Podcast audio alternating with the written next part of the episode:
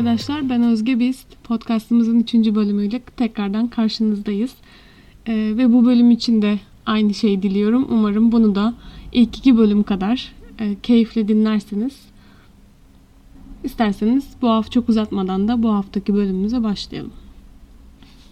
Bu hafta sizlerle biraz geçmişe gideceğiz. 1957'ye gideceğiz ve New Jersey Amerika'da yaşayan Mary Jane Barker'ın çok trajik bir biçimde ve çok kısa bir zamanda son bulan hayat hayat hikayesini inceleyeceğiz. Onun başına gelen olaydan bahsedeceğiz.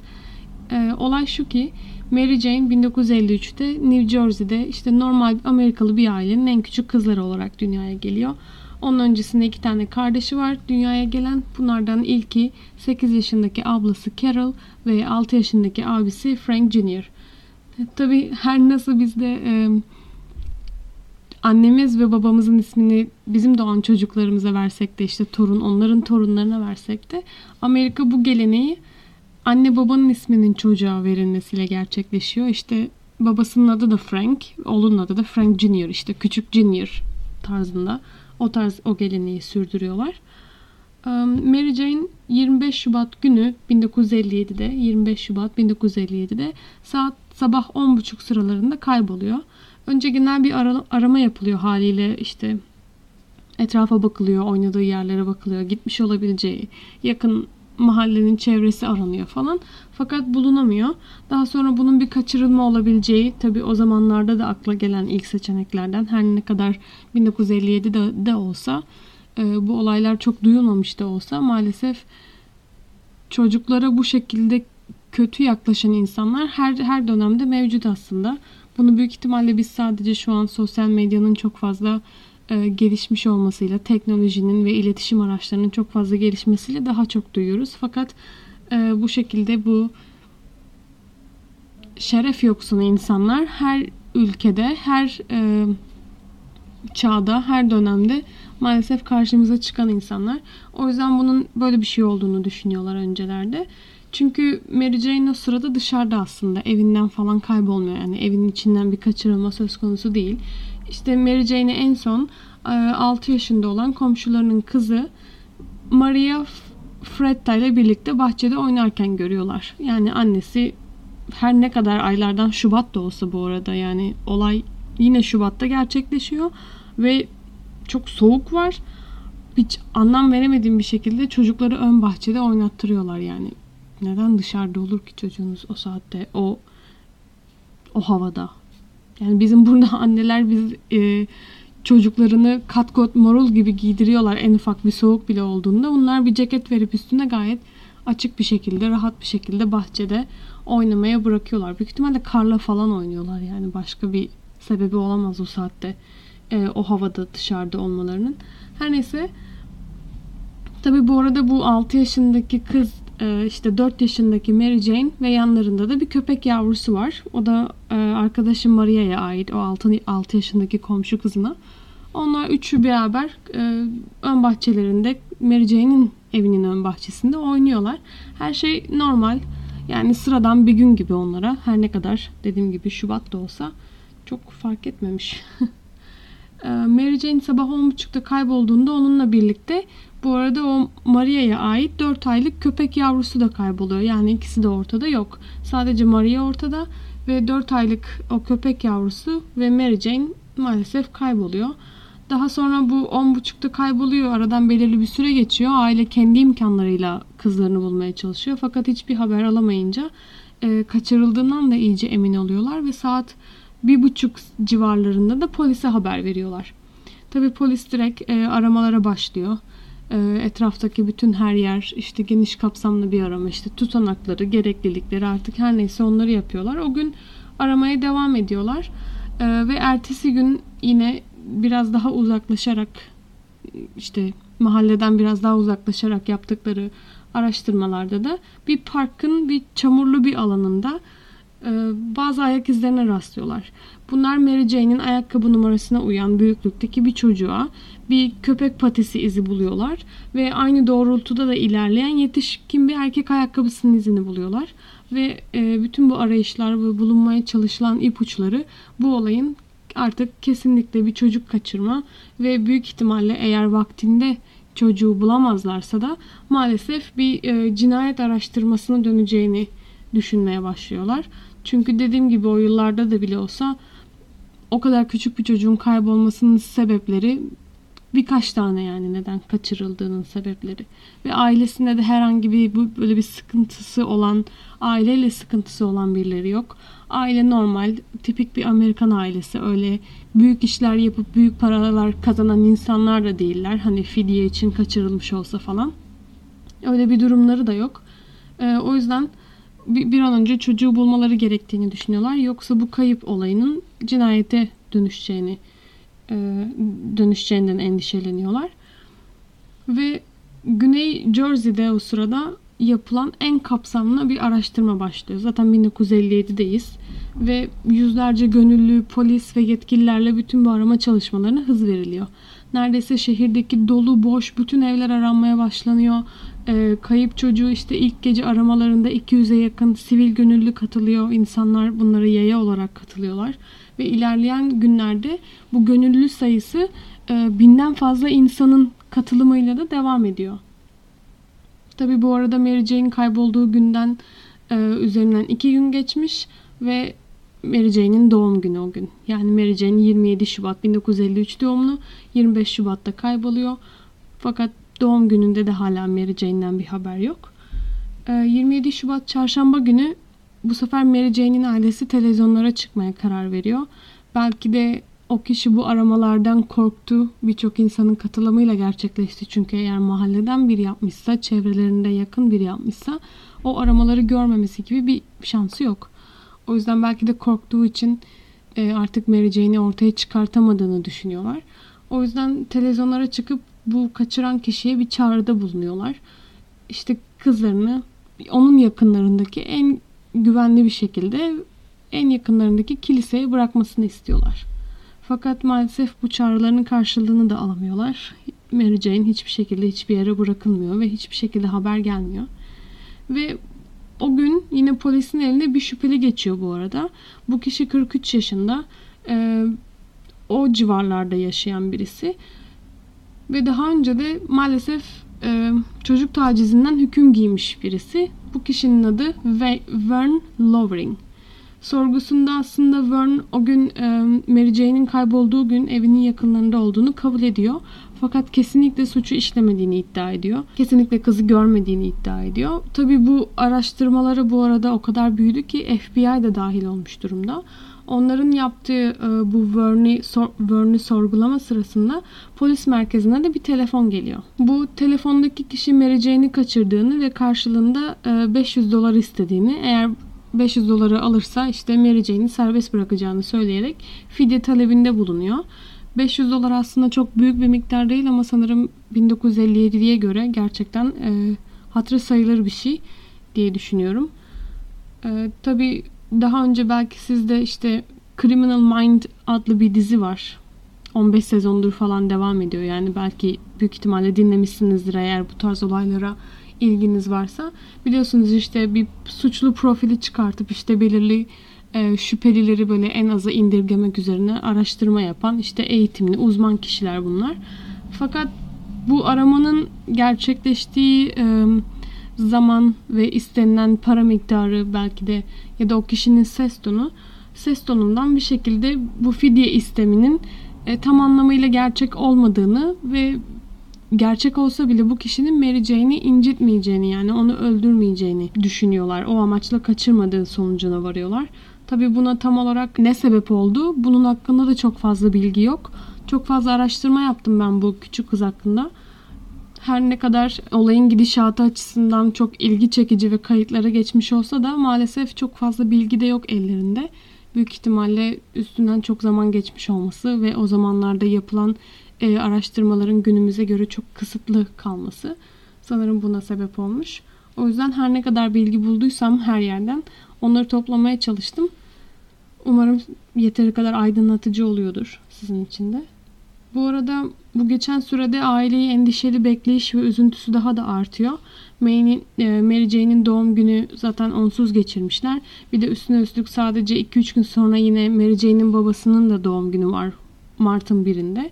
Ve o kadar e, yakın doğum günleri olunca işte geçen 4 sene 3 sene içerisinde bunu gelenek haline getirmişler ve ikisinin doğum gününü aynı günde kutluyorlar. Bu sene de aynı şeyi yapmak istemişlerdi. Fakat maalesef Mary Jane'in bulunamaması e, birlikte yapılan bu doğum günü planlarını maalesef sona erdiriyor. Fakat polis bu aşamada da hiç kız hiç hız kesmeden de devam ediyor bu arada araştırmalarını yapmaya. Bir iki tane ipucu yakalasalar da işte bu e, fidye araması, işte Vern Lover'in sorgusu falan maalesef ellerinde kayda değer bir gelişme yok. Mart 2 1957'de yani yaklaşık 6 gün sonra Mary Jane'in kaçırılmasından FBI artık bu olayın, bu dosyanın e, ulusal kaçırılma yasasına uygun bir dosya haline geldiğine karar veriyorlar. Yani kaçırılmanın yerel, yerel sınırlar içerisinde kalmadığını, kaçıran kişinin şehir dışına çıkmış olabileceğini hatta eyalet değiştirmiş olabileceğini düşünmeye başlıyorlar. E, o yüzden artık daha kapsamlı araştırma yapmak için işte daha detaylı, e, daha geniş bir alanı araştırmak için ellerinde yetki olmuş oluyor böylelikle. 3 Mart pazar günü geldiğinde çok önemli bir gelişme yaşanacak ve bir şekilde bu gelişme davanın bütün seyrini e, çok fazla değiştirecek ve birçok soruyu da aynı zamanda beraberinde getirecek. Bugün yani 3 Mart pazar günü Mary Jane'in oyun arkadaşını hatırlarsınız. Aynı zamanda e, Mary Jane onun Maria. Onun e, yavru köpeğiyle beraber oynuyorlardı hep beraber ve Mary Jane onun o köpekle beraber kaybolmuştu. Yani o köpekten de hiçbir şekilde iz bulunamamıştı. E, 6 yaşındaki Maria annesiyle beraber yan taraflarında yani onların birkaç ev yan tarafına inşa edilmiş yeni bir eve bir araştırma yapmaya gidiyorlar. Yani Mary Jane'i aramaya başlıyorlar. Çünkü hala o sırada da bu aramalar devam ediyor Mary Jane'i etrafta. Bu gönüllü insanların sayesinde. Ee, tabii bu, bu arada bu ev Maria'nın teyzesine ait olan bir ev. Maria evde do- dolaşırken bir dolabın kapağını açıyor ve içinde kaybolan köpeğini buluyor. Fakat evet az buçuk tahmin etmişsinizdir yanında ne olduğunu. Bu arada köpek hayatta. Ee, fakat maalesef köpeğiyle birlikte içeride Mary Jane'in artık hayatta olmayan bedeniyle de karşılaşıyor. Mary Jane bu dolabın içine oturur vaziyette ve üstünde bulunan mavi ceketinin şapkası da işte bir şekilde e, saçının bir kısmını kapatmış bir şekilde bulunuyor. Üzerinde bulunduğu günkü kıyafetleri var. Ne eksiği var ne de fazlası var. Sadece başında bulunan işte şapkanın bir kısmında bazı kumaş zedelenmeleri meydana gelmiş. O zamanların polis şefi olan Edward Garrity, medya ve ailesi aileyle beraber e, Barker'ın o dolabın içine sonradan getirildiğini düşünmeye başlıyor. Tabi aradan belirli bir süre geçtikten sonra ve köpeğin kısa bir süre önce de beslendiğini düşündüğü, e, inandığını söyleyen bir rapor veriyor. Çünkü bu dolabın içinde herhangi bir köpek dışkısına rastlamıyorlar. Eğer e, kayboldukları andan itibaren o dolabın içinde olmuş olsalardı köpek mutlaka bir şekilde e, bir dışkı gerçekleştirecekti dolapta ve onun orada olması gerekiyordu. Yani bence öyle olmuş bile olsa bence köpek onu yemiş olabilir yani böyle bir ihtimal de var. Sonuçta eğer çok açsa yani hayvanların doğasında bu var mıdır bilmiyorum. Çok da emin değilim ama yani yemiş de olabilir. Neyse çok fazla da midenizi bulandırmak istemeden devam ediyorum. Ee, daha önce yapılan yüzlerce hatta binler binden fazla gönüllüyle yapılan araştırmaların sonucunda aslında o ev üç kez önce aranmış. Daha önce üç kez aranmış. Ee, hatta Mary Jane'in kaybolmasından sadece bir gün sonra ev hala yapım aşamasında olduğu için o eve gelen ve orada vakit geçiren işte e, tamirci falan da var. Onlar da kesinlikle hiçbir şey duymuyorlar. Gelen seslerden bir şekilde köpeğin havlaması gerektiğini düşünüyorlar yani o sırada bir şekilde bir ayak sesi bile olsa belki köpek ufak bir şekilde havlardı yani orada olduklarını belirten bir şekilde.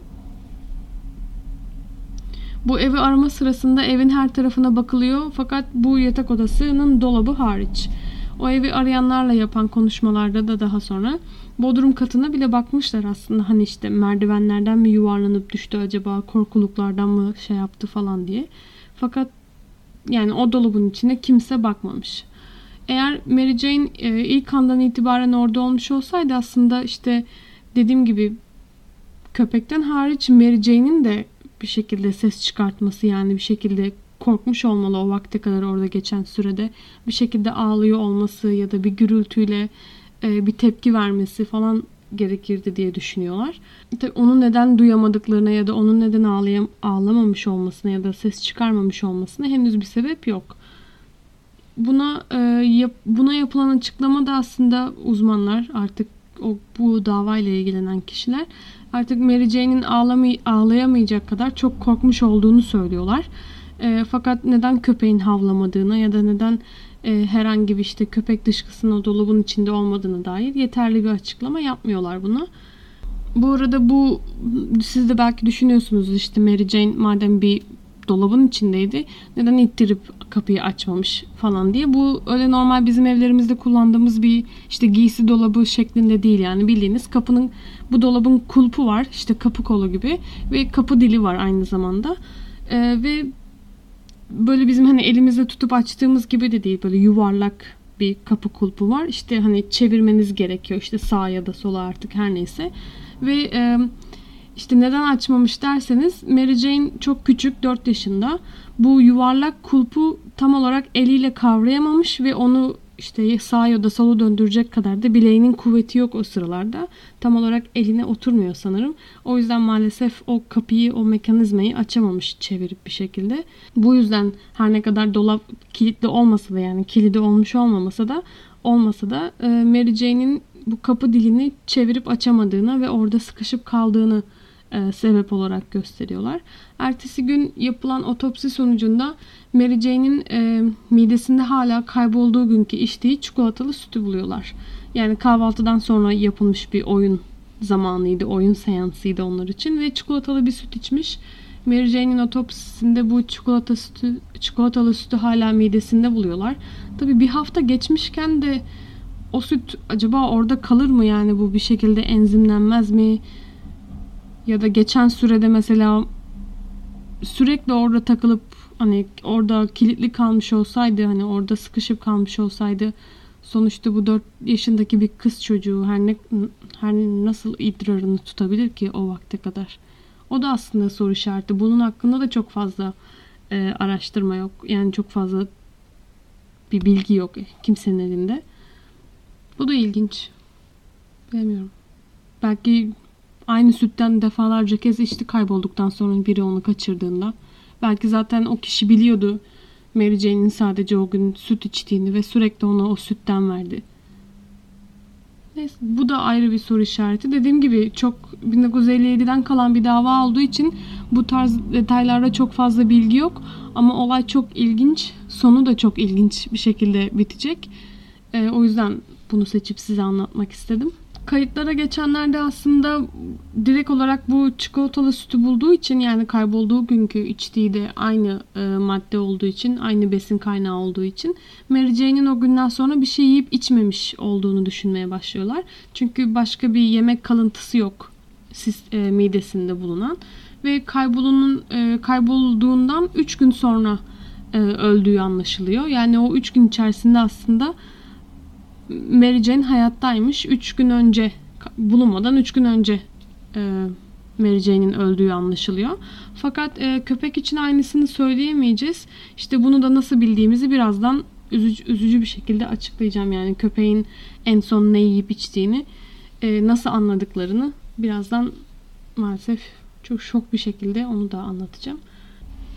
Tabi yapılan bu otopsilerin sonucunda da e, Mary Jane'in ölümüne dair herhangi bir şüpheli durum da bulamıyorlar. Yani herhangi bir kesik, bir boğulma yani bir cinayete e, kurban gitmiş olabileceğine yani üçüncü bir kişinin e, ikinci bir kişinin Mary Jane'den hariç ve köpekten hariç e, bir kişinin bu olaya dahil olduğunu gösteren hiçbir ize rastlayamıyorlar Mary Jane'in bedeninde.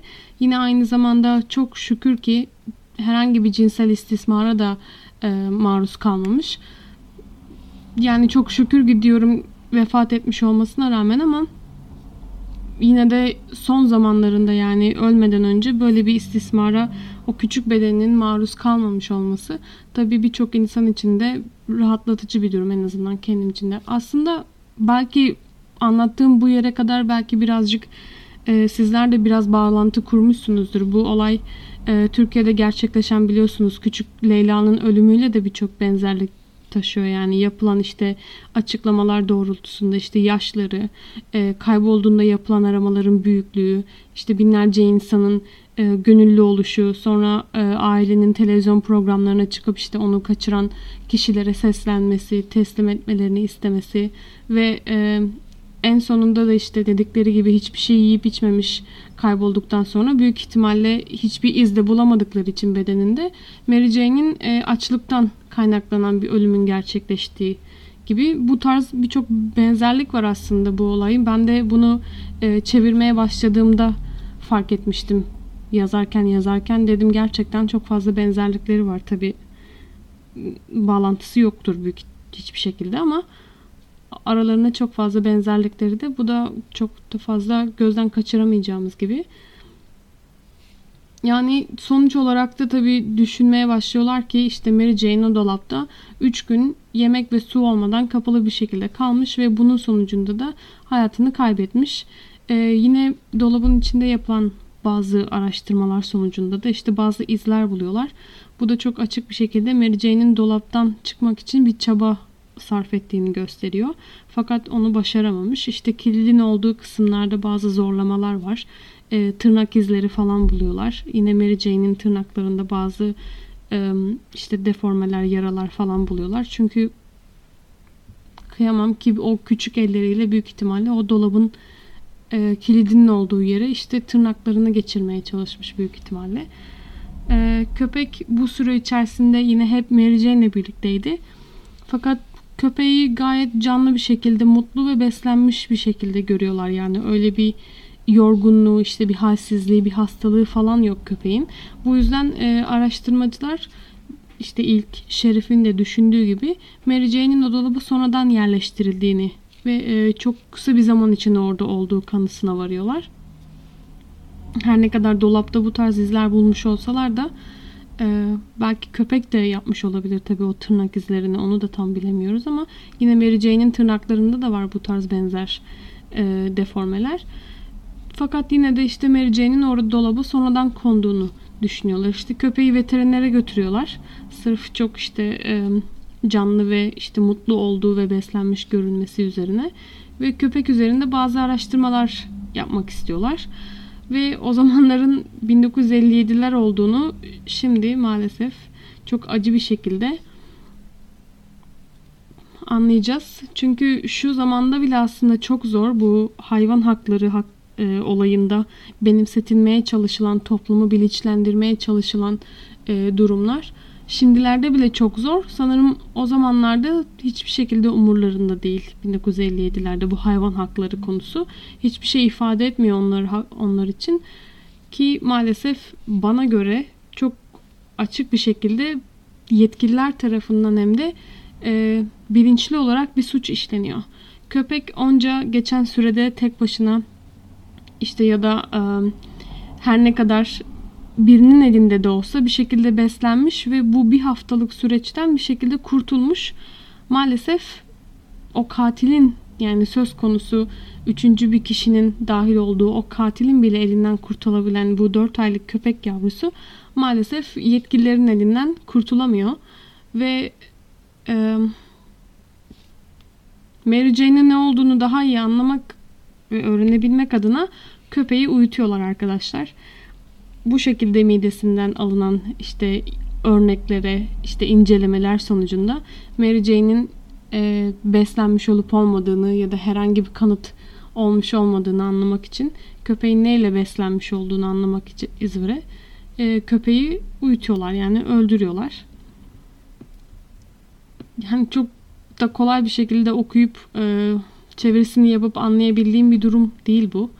Gerçekten beynimin sınırlarını zorlayan bir durum gene de ellerindeki imkanların belki bunu yapılmasına gerekli olduğunu düşündüler. Sonuçta bu zamanın teknolojisi de o zaman da yok. Belki şimdilerde e, bir köpeğin ne yiyip içtiğini, en son ne zaman beslendiğini anlamak için umarım ki böyle bir şey gerek yoktur. Umarım da hiçbir şekilde buna gerek kalmaz yani böyle bir şeyin yapılmasına. Fakat olmuş o zaman da maalesef o 4 aylık köpek yavrusu bir haftalık bir şekilde e, aç kalmanın sonucunda kurtulmuş olsa bile maalesef yetkililerin elinden bu anlamda kurtulamıyor. Maalesef köpeği öldürüyorlar. E, bütün bu araştırmalar sonucunda da bu Mary kaybolduğu yer Camden ilçesi. İşte Camden ilçesi şüpheli ölümleri araştırılan kurumun yetkilisi de Mary Jane'in ölümünün kazara gerçekleştiğini, herhangi bir şüpheli ölüme sebep e, olan herhangi bir bulguya rastlamadıklarını, küçük kızın işte açlık ve susuzluktan dolayı öldüğünü söylüyorlar.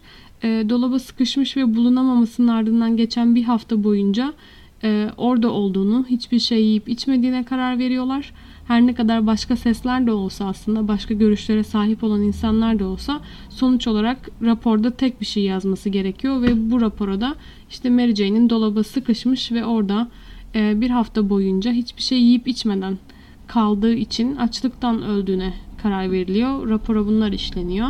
Tabi bu arada belki sizin de yine aklınıza gelmiştir. Belki de hani havasızlıktan öldüğüne dair neden öyle bir sonuca varılmıyor? Belki de havasız kaldı o şekilde öldü. Ama fark ediyorlar ki dolapta aslında küçük bir boşluk var.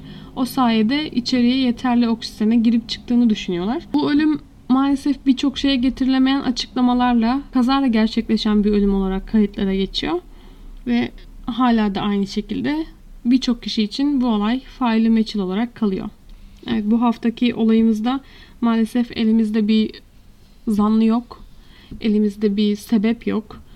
E, faili meçhul olarak gerçekleştirilmiş gizemli bir olarak gizemli bir olay olarak kayıtları geçiyor. En azından benim için öyle yani. Neden o zaman e, parkın içinde o çamurda üç kişinin ayak izini buldular? E, FBI'ye gelen fidye istek telefonu, işte o köpeğin nasıl hayatta kaldığı ve maalesef çok çok acı ve saçma biçimde köpeğin ilaçla uyultulmasından sonra işte e, karnında bulunan yemek kalıntıları, bunlar onun o süre zarfında beslenmiş olduğunu gösteriyor. Fakat kimin beslediğine dair herhangi bir kanıt yok. Bütün bunlar cevapsız kalıyor. Çünkü e, Mary Jane'in ölüm sebebi kayıtları açlık olarak giriyor. Belki de dediğim gibi işte 57'de olan e, kaynaklara, ellerinde bulunan kaynaklara ve e, bulunamayan bulgular bu sonuca varmalarında etkili oluyor. Fakat yani o zamanın durumuna göre baktığınızda bile aslında çok da yeterli bir açıklama değil. Bilmiyorum siz neler düşünüyorsunuz. Sonrasında da işte birçok komplo teorisi ve yaklaşımlar insanlar tarafından yapılıyor. Bunlardan biri de Maria'nın e, bir hafta sonra annesiyle o eve gidişi. Yani neden annesiyle beraber o eve gitmiş, neden eliyle bulmuş gibi küçük kızı ve köpeğini dolabının içinde bulmuş. Bunun üzerine komplo teorileri üretmeye başlıyor insanlar. İşte Maria'nın e, o gün aslında Mary Jane'le beraber saklambaç oynamaya başladıkları, işte çevreye koşturmaya başladıkları ve Mary Jane'in o dolabın içine kendi isteğiyle e, saklanmak için girdiğini, daha sonra çıkamadığını, e, Maria'nın da tabii arkadaşı ve köpeğini bulamamasının üstüne çok fazla düşünmüyor. Sonuçta o da 6 yaşındaki küçük bir çocuk. Büyük ihtimalle daha sonra e, eve git onların eve gittiğini düşünüyor. Onları bulamayınca e, artık herhangi bir şansının olmadığını düşünmüyor onları bulmak için. Belki de eve gittiler diye düşünüyor ve hiçbir şekilde umursamıyor bunu daha sonra ne olduğunu ve bütün o aramalar ve ona da sorulan sorular karşılığında da bir şekilde o kalabalıktan, o telaştan korkup e, kimseye bu olayı anlatmadığını düşünmeye başlıyor insanlar. Daha sonra da tabii olayın üstü biraz daha yavaş yavaş azaldığında bu olayı belki de annesine söylediğini, o yüzden o eve gidip annesiyle beraber araştırma yaptığını yani eve vereceğini aramak için gittiler sonuçta ve eliyle koymuş gibi de buldular. Ee, uzun da bir cümle oldu umarım. umarım düzgün söyleyebilmişimdir. Yani bütün bunların sebep olduğunu düşünüyorlar Maria'nın o eve gidip özellikle annesiyle gidip vereceğini aramasının. Bütün bunlardan sonra da işte o Camden Belediye Başkanı o saatten sonra yapılan bütün ev düzenlemeleriyle, renovasyonlarla ilgili o yuvarlak kapı kulpunun yasaklan kullanmasını yasaklıyorlar. Yani içeriden dışarıdan kolayca açılabilecek, tutulabilecek bir düzenek kullanılmasını şart koşuyorlar. Bu arada da son olarak e, bunu yap bunu haber yapan bir radyo kanalı sonunda birisi köpek için bir şeyler hissedebilmiş ve köpek adına bir şeyler yapmaya karar verebilmişler. En azından e, Maria için çünkü köpek ona aitti ve 6 yaşındaki Maria'ya yeni bir köpek yavrusu hediye ediyorlar. Tabi bunu düşünenin de köpeği öldürülen öldüren yetkililerin değil de bunu haber yapan bir radyo kanalının olması gerçekten çok düşük. Sanırım kimse e, bunun bu küçük kız için ne kadar sıkıntılı bir olay olduğunu anlayamamış o dönemlerde. Hem oyun arkadaşınızı siz buluyorsunuz o şekilde hem de e, canlı bulduğunuz köpeğe çok seviniyorsunuz bir hafta sonra ve çok saçma bir, bir şekilde köpek yine sizin elinizden alınıyor.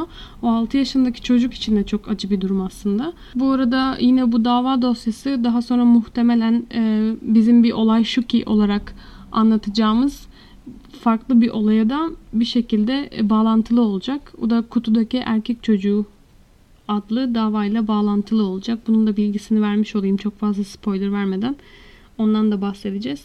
Bunun arasında böyle ufak bir bağlantılı olacak birkaç yıl sonra gerçekleşmiş olan o olayda. Evet, dediğim gibi bu haftaki olayımızda maalesef bir zanlı, bir sebep, e, bir neden yok. Çok acı bir şekilde 4 yaşındaki daha çok küçük bir bebeğin sebepsiz yere ölümü var elimizde ve de 4 aylık köpeğin o da kesinlikle sebepsiz bir şekilde. Dediğim gibi bu tarz olaylar bütün ülkelerde oluyor. Birçok açıklanamayan faili meçhul, sebepsiz ölümler e, sadece bizim ülkemizde değil bütün ülkelerde gerçekleşiyor. Siz ne düşünürsünüz onu bilemiyorum ama bence bu olayın içinde kesinlikle bir yetişkin dahil. Kesinlikle bir sebep var. E, belki de ailenin içinden birisi bir şekilde bir şey yaptı ama ben o 4 yaşındaki küçük çocuğun o dolaba kilitli kalmış olabileceğini, o, o dolapta sıkışmış olabileceği gerçeğini çok fazla inanamıyorum. Çünkü o ev daha önce aranmış ve e, birçok insan girip çıkmış o eve. Bence ailenin etrafında olan ve onları tanıyan yakınlarında ve bütün bu süreci bilen bir insan bence bunu gerçekleşti. Bu haftaki olayımız bir önceki iki olayımıza göre biraz daha sakindi. Bunu fark ediyorum. Elimizde çok fazla işte detay, e, şüpheli ve sebep yoktu. Biraz daha sakin bir bölüm oldu. Ama bunu da belirli bir plan üzerinden gitmeye çalışıyorum bölümlerimi. Sürekli arka arkaya aynı tarzda gerçekleşmiş olaylardan bahsetmemek adına. O yüzden burada birçok e, konu başlığı olacak aslında. İşte birçok e, cinayet, belki kaçırılma, seri katiller ilerleyen bölümde onların o şekilde gerçekleşmiş olaylardan bahsedeceğiz. O yüzden sizin heyecanınızı biraz daha böyle dalgalı tutmak için yaptığım bir şey bu. Umarım keyifle dinlemişsinizdir benim anlatımımdan yine. Haftaya tekrardan görüşmek üzere. Hoşçakalın.